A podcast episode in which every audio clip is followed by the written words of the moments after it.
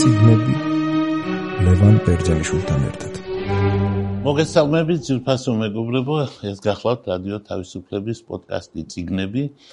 აქ ჩვენ გვაქვს რუბრიკები, რომლის ერთი ნაწილი, ასე ვთქვათ, პორტუგალიის ნორვეგიული ციგნის კლუბის ამოწურვისკენ წავედით ჩვენ და აშკარად ისახება ამოცანა ახალი რუბრიკისა და მე ვფიქრობ, რომ ახალი რუბრიკა უნდა იყოს რუბრიკა 21. ეს ნიშნავს, რომ აქ იქნება თავმოყრილი ყველაფერი, რაც ხდება 21 საუკუნეში, 21 საუკუნის ციგნები. ანუ ფლატ ფლატ თანამედროვე ციგნები და მე მინდა აქ რუბრიკა იქნება თუ ქვე რუბრიკა იქნება, ასეთი იყოს ერთი, რომელსაც ერქმევა ბოლო წლების შედევრები. და მინდა დღეს ვილაპარაკო ბოლო წლების შედევრებზე. მეცას გეტყვით შედევრებისგან შემდგარ ტრილოგიაზეც კი.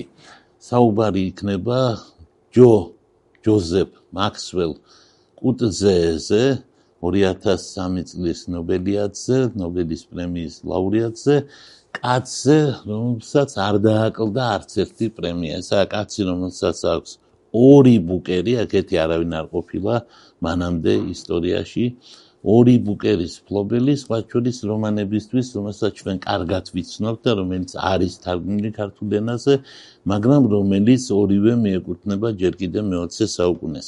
ეს გახლავთ მიხაილ კს ცხოვრება და თავგადასავალი პირველი ბუკერი ამაში მიიღო შესანიშნავი რომანი თარგმნილი ბრწყინვალედ ქართულ ენაზე და მისი მეორე რომანი რომელმაც ასევე ბუკერი მოიპოვა რომელიც ქართულად თარგმნილია როგორც სირცხლილი ინგლისურად ესაა disgrace შეიძლება და გვეთარგმნა ასე როგორც შერცხვენა ან თავის მოჭრა რომელიც მოგეხსენებათ ავტობიოგრაფიულ ელემენტებს შეიცავს და რომელმაც სერიოზულად გაამწვავა ვითარება სამხრეთ აფრიკელ მწერალსა და სამხრეთ აფრიკის ახალ ხელისუფლებას შორის, რასაც მალე მოხდა მისი პენსიაზე გასვლა და უცხოეთში წასვლა და შემდგომში უცხო ქვეყნის მოქალაქეობის მიღება მოგეხსენებათ ამჟამად ეს დიდი მწერალი ნობელის პრემიის ლაურეატი გახლავთ არასამხრეთ აფრიკის, არამედ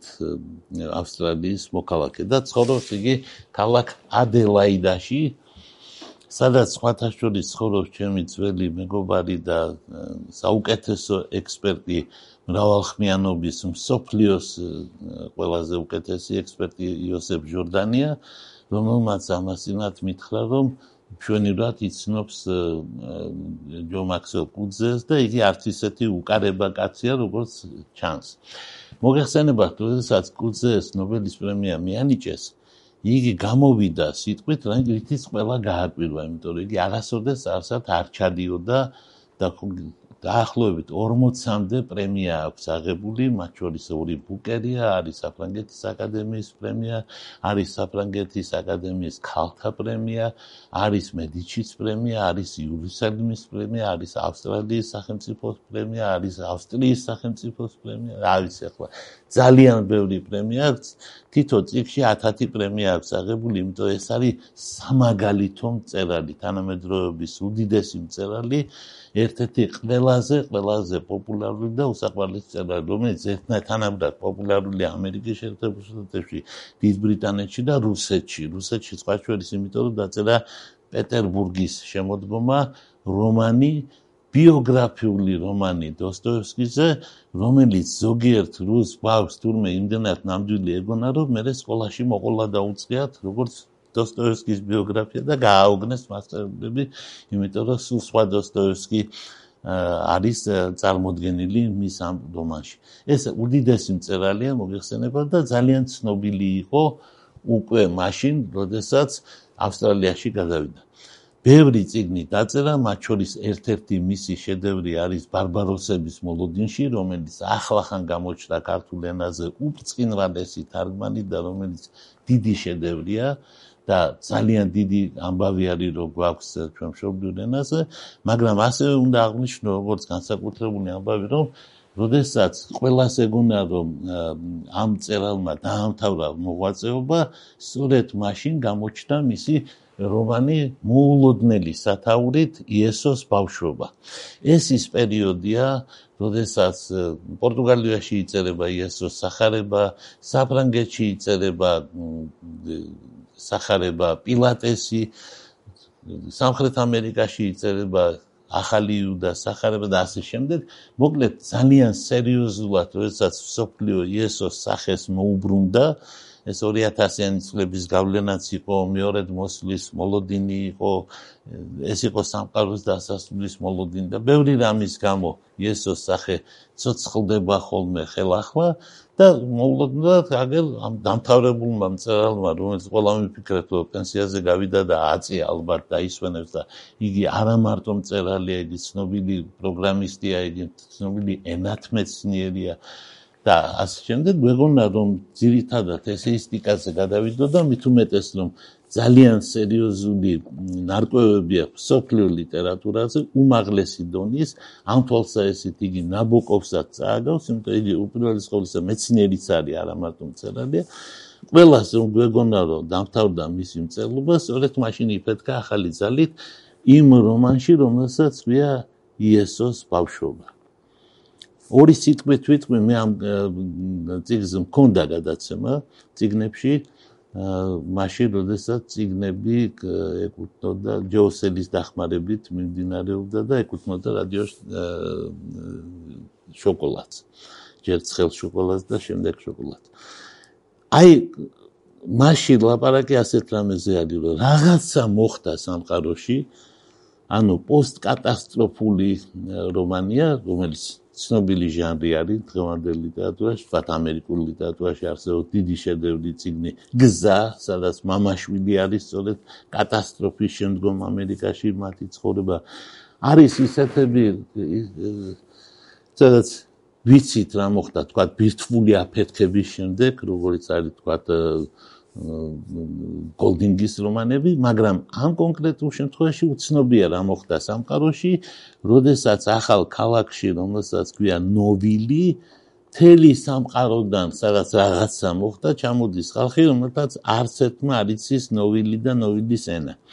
ანუ ყველა ემიგრანტი ჩამოდის და უპირველეს ყოვლისა სწავლობს ნოვილის ენას. ნოვილის ენა არის ესპანური. ჩამოდიხარ და გეკითხებიან ვინ ხარ არის არავინ არ იცის ვინ არის გაძლევენ სახელს და გასწავლიან ენას. და მე შეულობ სამსახურს. და აი ჩამოვიდა კაცი რომელსაც პატარა ბავშვი ახლავს და ეს კაცი ამტკიცებს რომ გემზე ვიყავით ამ ბავშვს ყავდა მშობლები მაგრამ დაკარგა იქვე გემზე ამიტომ აი ასე მოხდით აქ ბავშვს რა ქვია არ ვიცით მე რა ქვია არ ვიცით მე უთხრეს როგორ არიცი დღეიდან უნდა იცოდე რომ ქვია შენ სიმონი ხოლო ბავშვს ქვია დავითი ამ დროს იქს ქვია იესოს ბავშვობა და ჩვენ ხვდებით რომ ეს ბავშვი დავითი არის კიდევაც იესო ოღონდ რამდენად არის იესო კარგად არ ვიცით იმიტომ რომ ეს ბავშვი უცნაურია თუმცა არასოდეს არ ეძლევა საშუალება თავისი უცნაურობა ბოლომდე გაამჟღავნოს. უცნაურია რას ნიშნავს? მაგალითად მუშაობს კაცი ტვირთავად გემიდან უნდა გადმოტვირთონ რაღაცა უცებ მოიფიქრებენ რომ აგერ ცხენი არის და იქნებ ცხენი დაიხმაროთ ამ გადმოტვირთვაში კი ბატონო დაიხმარენ მაგრამ ცხენი ვერ გაუძლებს ამდენს და მოკვდება დატვირთვებში და ბავშვი კი ამბობს მიმიშვით ცხენთან უნდა გავაცოცხლო მაგრამ მას რა თქმა უნდა ცხენთან არ მიუშვება ანუ ჩვენ კარგად არ ვიცით რომ მიეშვათ გააცოცხლებდა თუ არა არის თუ არა დავითი იესო რახან იესოს ბავშვობა და დავითის ბავშვობა და ხვდებით რომ ჩაულებრივი ბავშვი არ არის სულ ველით მისგან ამას ასაულს მაგრამ არასოდეს არ ეძლევა ამის საშუალება. მთელი წიგნის განმავლობაში მოკლედ ეძებდა კაცი ქალს, რომელიც შიც ბავშვი დედას ამოიცნობდა, იმიტომ შეუძლებელია სახელით და გვარით ვერან ვერავის ვერ ეძებს, იმიტომ აქ ვინც არის ყველა კატასტროფის მერე საღაციდან ჩამოსულია, ოღონდ არავინ არ იცის საიდან. ოღონდ არავის არ ახსოვს ვინ იყო. მაგრამ იპოვა ბავშმა ერთი ქალი სახელად ინესი და მამამ მამობილმა ბევრი გააკეთა რომ ეს ბავშვი და ეს ქალი ერთმანეთისთვის შეეხვედებინა და ქალმაც თითქოს მასში თავისი შვილი ამოიცნო ბავშვმაც თითქოს ქალში დედა ამოიცნო მოკლედ ინესი გახდა მისი დედა.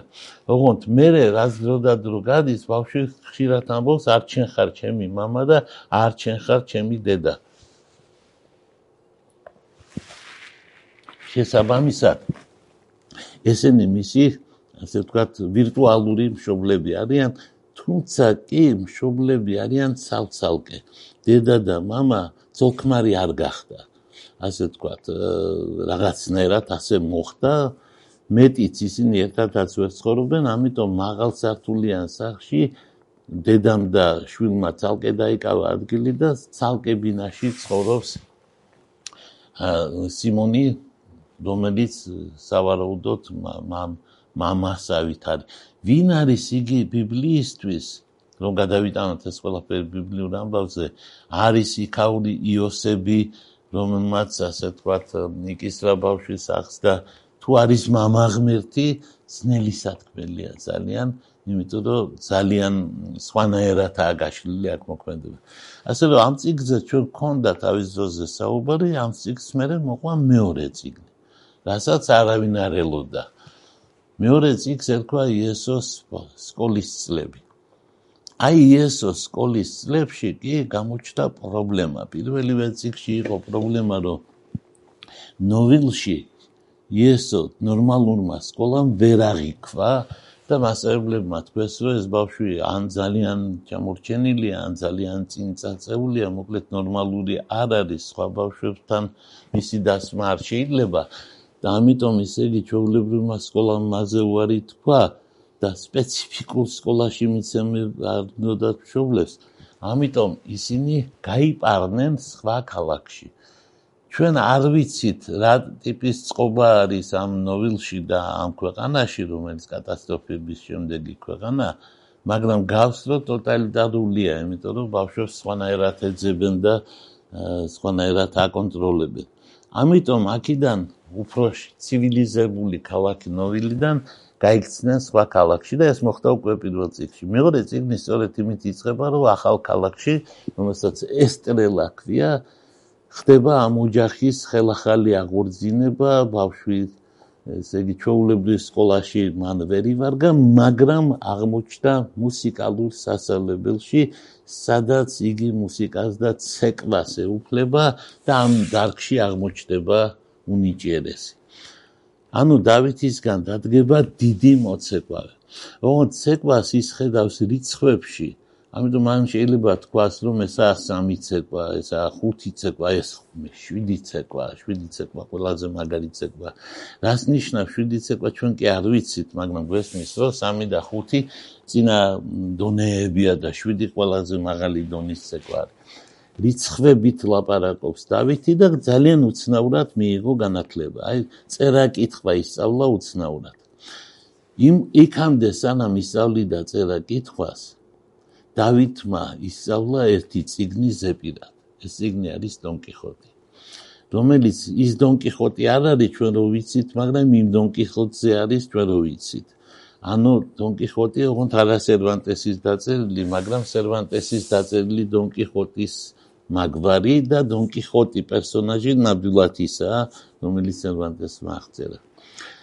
ბავშმა ეს ციგნი ისწავლა ზეპირად.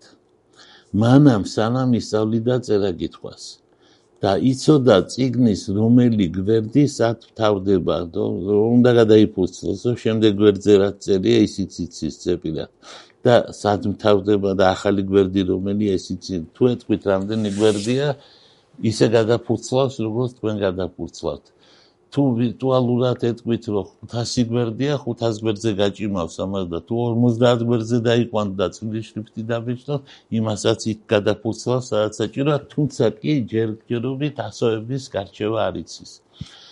ხოლოდ ამის შემდეგ როდესაც მან ზეპირად იცის ეს ციგნი იგი უკავშირებს ამას ყველაფერს გრაფიკას და ამბობს რომ აი აქ ეს სიტყვა წერია ოღონდ ამ გრაფიკის უფრო ღრმად ვერ არ წავა, იმიტომ ასო-ასოთ ვერ დაშლის.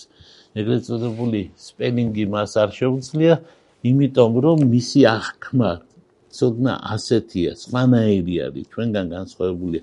მაგრამ ჩვენი რაც შეუძლია, სწორედ ამ ციგნის კითხვა, სხვა ციგნები მას არ აინტერესებს და არ კითხულობს. მას მოწონს დონ კიხოტი, რომელიც მუდმივად იბძვის და ის ხედავს, როგორც დონ კიხოტი, ანუ ის ხედავს ზუსტად ურჩხულებს იქ, სადაც სხვები ხედავენ წისკვილებს, ის ხედავს ჰერცოგის სასახლეს იქ, სადაც სხვები ხედავენ ფუნდუკს ან დუქანს და ასე შემდეგ. ეს ბავშვი აღმოჩნდება ძლიერი მოცეკვავე. მეორე ციგნის იდეები ზუსტად ასეთი იყო და ყველამ ჩათვალა, რომ ეს იყო ორციგნეული.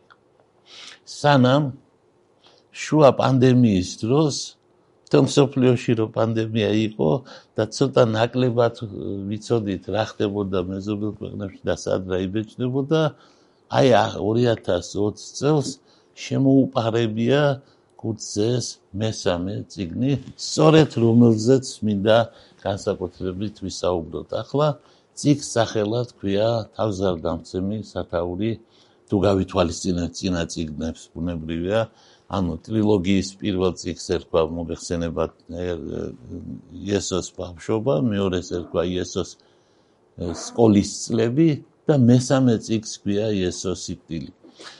მე ნამდვილად მეგონა რომ ამ იესოსაც ამ დავითს 33 წლამდე მაინც მიიყვანდა ავტორი და ავტორმა განიზრახა იგი 10 წლის ასაკში გააცილოს უკანასკნელ გზას. ციგნი იწება ძალიან უცნაურად. ჩვენი იესო, ანუ დავითი, რომელიც არის შესანიშნავი მოცეკვავე, გაიზარდა და ცეკვასთან ერთად და სწორედ ცეკვიდან გამომდინარე ხდება შესანიშნავი ფეხბურთელი. ცოტა მოულოდნელი არის. თუმცა მას შემდეგ რაც ჩვენ ვიცით რომ საქართველოს ნაკრების ლიდერი იტალიის საუკეთესო ჩემპიონატი გასული სეზონისა და საუკეთესო ფეხბურთელი გასული სეზონისა და მთელი ნეაპოლის და მთელი იტალიის ერთ-ერთი კერპი, ასე ვთქვათ, ხვიჩა კვარაცხელია, რომ მოკრძალებული და მორწმუნე ბიჭია, აი ზუსტად ეკაცი არის დახატული დავითის სახით 10 წლის დავითი მაღალი უაღრესად ტექნიკური და წმინდა ადამიანი არის მინდორზე. ოღონდ ის თამაშობს ფეხბურთს სხვა ბიჭებთან ერთად, მაგრამ მათ არიციან გუნდების ერთმანეთთან შეჯიბრება. ისინი უბრალოდ თამაშობენ ფეხბურთს. ზოგი კარში დგას, ზოგი თავდასხმელია, ზოგი მცველია, ამიტომ მცველები ხელს უშლიან თავდასხმელებს, თავდასხმელები ერთმანეთს პასებს აწოდებენ. გოლები გააქვთ, მაგრამ არ არის თამაში გამარჯვებაზე. თამაში არის გოლების გატანაზე, გოლების არ გატანინებაზე, ცველობაზე, თავდასხმელობაზე. ამიტომ იქ შეიძლება 30-40 კაცი თამაშობდეს და პრობლემა არ არის. ანუ არის ყველაფერი, რაც კარგია ფეხბურთში და არაფერი, რაც ცუდია ფეხბურთში იქ არ არის. და ცუდია ფეხბურთში და ქულები, გამარჯვების მოპოვება ნებისმიერი გზით, არატექნიკური თამაში, ანუ ძალიან ასე ვთქვათ, შედეგზე ორიენტირებული და თელი პოეზიისგან დაცლილი, ძალიან პროზაული ფეხბურთი. მოკლედ გერმანიული ფეხბურთი, იტალიური ფეხბურთი ასე შემდეგ. და აქ არის ნამდვილი ფეხბურთი, როგორც ჩანს, ავსტრალიური, ბრაზილიური, რაღაც ასეთი, უფრო შემოქმედებით. და დავითი არის ასეთი ფეხბურთელი. ვიწყება სწორედ იმით, რომ იგი მყარად დგას ფეხზე და როგორც მოცეკვავე ზუსტად ისე თამაშობს ფეხბურთსა, ცეკვა, ცეკვით, ფინტებით და ძალიან სერიოზული ტექნიკური არსენალით. მარცხნი ბურთის გაგდები და თვითონ მარჯვნივ გავარდნით ეგრეთ წოდებული მესხის პინტი და ასე შემდეგ. აი ყველაფერი ეს აქვს და ამას უყურებს სიმონი და ტკბება თავისი აღზრდილის და თავისი შვილის ამ შვილობილის ასე ვთქვათ მაღალი ოსტატობით, როდესაც გამოჩნდება კაცი ვინმე სახელად ფაბრიკანტე, რომელიც აღმოჩნდება და გოგონასთან ერთად არის, აღმოჩნდება რომ არის ორფანთა, ანუ ობოლთა თავშესაფრის ხელმძღვანელი. და ის ამბობს რომ ჩვენ ყავს გუნდი ფასა ჩვენ ყავს საფეხბურთო გუნდი ჩვენ ვეზერთ ბავშვებს და აგერ არიან ბავშვები და ამათ წაყვანა მინდა მე. და ირგვა მეუბნება რომ არ არის ეს კაცო ობოლი ამას დედაც ყავს მამაც ყავს და ყველაფერი. დავითი მოეწონა აა თავისი გუნდისთვის. ბოლოდნა დავითმა თქვა მე ვარ ობოლი და მე წამოვალ. მე წამოვალ თავშესაფარში იმიტომ მე ვარ ობოლი ну ასეთი საწყენებს დედასაც და მამასაც მაგრამ ნუ ახლა გარდატეხის ასაკი ეწება და ძალიან თამამად და მკაცრად ამბობს არის და გაუშვებენ მას ფაბრიკანტესთან. იქ მოხიბლავენ იმით რომ მას ჩააცმევენ მაისურს და მას აწვია მაისურს და მაისურზე არის ნომერი 9 და გახარებული არის თავდასხმელია კარგად თამაშობს ძალიან სერიოზული ძალაკ როდესაც მოულოდნება დაიწყება მისი აუნტყოფობა აუნტყოფობა იმაში მდგომარეობს რომ დავითი თავის საკუთარ სირბილში თავის ფეხს წამოეგება ხოლმე და წაიქცევა ხოლმე. ერთი ორჯერ რომ მოხდა, ვერაფრით ვერ გაიგეს, რატომ უნდა წაიქცეს კაცი, რატომ უნდა შეებორკოს ასე ვთქვათ სირბილი. ხან მეტოქეებს დააბრალეს, ხან ცველებს, ხან საჭს, მაგრამ გაიგვა რომ ლოგინიდანაც შეიძლება გადმოვარდეს, ანუ წაქცევა გახდა რაღაც. აღმოჩნდა სამანტყოფოში და ყავს ექიმი რიბეირო. როგორც გითხარით ეს ესპანურენოვანი სამყაროა და სახელებიც ასე ვთქვათ შესაბამისი არის. ექიმი რიბეირო ექთნები ადამიანები რომლებიც აქ მონაწილეობენ მათ შორის ვინმე დიმიტრი რომელიც უკვე მეორე წიგში გამოჩნდა სხვა შორის საზარდი დანაშაული ჩაიდინა და ახლა ითვლება რომ რაღაცნაირად იმ დანაშაულის პატიება მოხდა რომ თვითონ გამოიცვალა და თურმე ბოროტი კი არ ყოფილა, არამედ თურმე რაღაცის გამო ბოროტობდა და ახლა წამალი უყურეს სიკეთის წამალი და აღარ არის ბოროტი, მოკლედ ეს კაცი ამბობს, რომ მას ესმის რაღაცა სხვა, რასაც ამბობს დავითი. თუმცა კი დავითის ნათქვამები ბევრს არავის არაფერი არ ესმის. მოულოდნელად ამბავს, როგორც გითხარით, თავარი ძალა გამოეცალა, იმიტომ რომ ის იყო მოცეკვავე და ის იყო ფეხბურთელი, ანუ კაცი კლიანად ფეხებზე დამოკიდებული და მოულოდნელად სწორედ ფეხებმა უმტყუნა. მიდის საუბრები, სამედიცინო საუბრები, რომ ეს არ არის არაფერი განსაკუთრებული, ეს სახსრების ანთება, როგორც ამ გამოიწვია, არ ვიცი და ამიტომ მასწავლობენ. დღითი დღე მისი მდგომარეობა არ უმჯობესდება, უარესდება. და ბოლოს და ბოლოს იქ ვინაიდან ძალიან ცუდი საკვებია, ძალიან ცუდი მოვლა ამ საუნდტროფოში, ბავშვი თვითონ ითხოვს წამიყვანეთ აქედანო და ე მაშინ გამოჩდებიან დედამისი და მამამისი ინესი და სიმონი და წაიყვანენ ბავშვს. მაგრამ როგორც კი წაიყვანენ ოჯახში, სახში მდგომარეობა კიდევ უფრო გართულდება და მისი დაბრუნება მოუწევთ. საუნდტროფოში საუნდტროფოში დააბრუნებენ მაგრამ ვერაფრით ვერ ამბობენ რა დაავადება როგორ უნდა უმკურნალო ამბობენ რომ არის სახსრების ანთება საშიში არაფერია. მაგრამ ამ სახსრების ანთება საშიში არაფერია ადამიანი ფეხზე ვერ დააყენეს დაიწყო საუბარი ბან თავის მოსალოდნელ სიკვდილზე.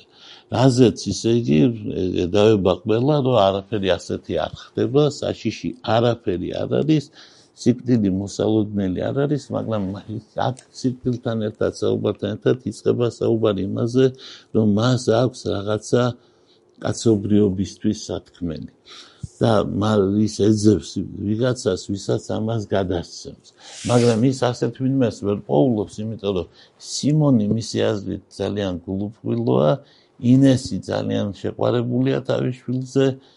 ესენი ვერ გაიგებენ და სხვები არიან რაღაცა ბავშვები, რომელთაც გაგებაც არ შეუძლიათ და ვერაფერს ვერ გაიგებენ. ამასობაში მას აქვს ციგნი.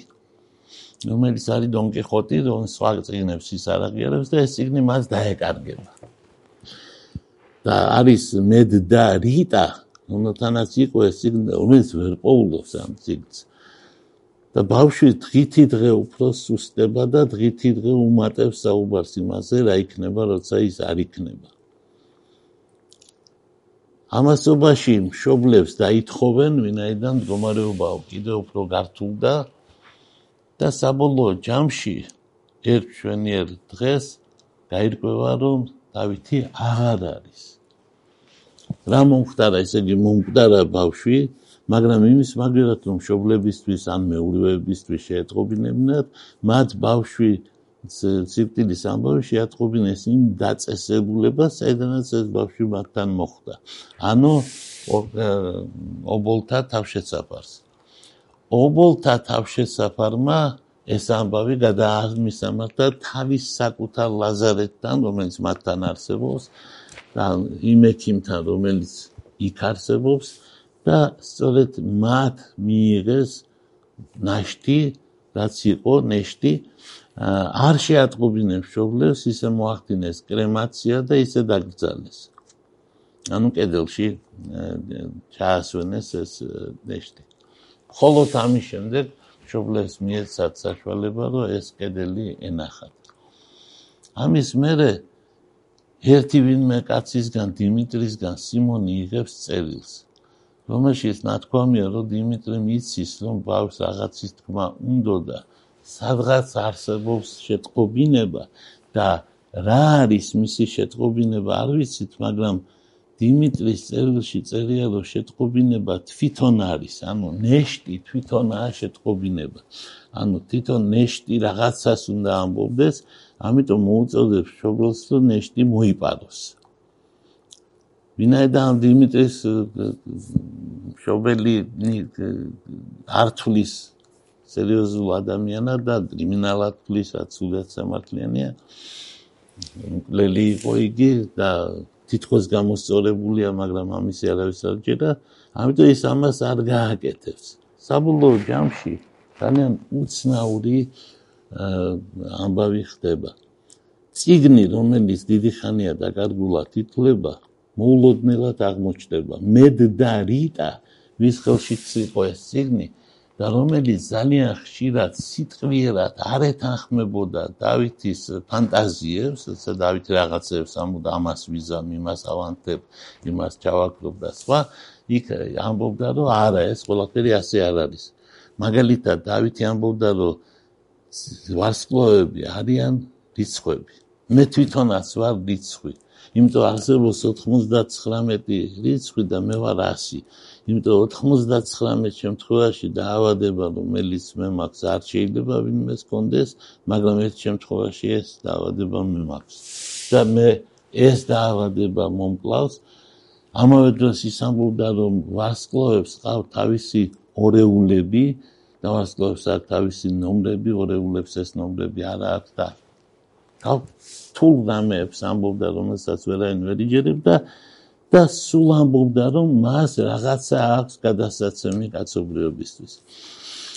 საბოლოო ჯამში სულიად მოულოდნელად აღმოჩნდება ციგნი დონ კიხოტი რიტა იპოვის მას ძველ ნიფტებში და მოიტანს და ამ დონ კიხოტს აღმოაჩნდა რომ აღმოჩნდა ეს ბიბლიოთეკის ციგნია და მას აქვს მიწეპებული რაღაცა ტექსტი რომ ესა ესა ეს ბიბლიოთეკა ჩვენ გვიხარია რომ თქვენ ბავშვებო კითხულობთ ამ წიგნს და თქვენ ჩვენ თქვენთან გვაქვს შეკითხვა რას ფიქრობთ?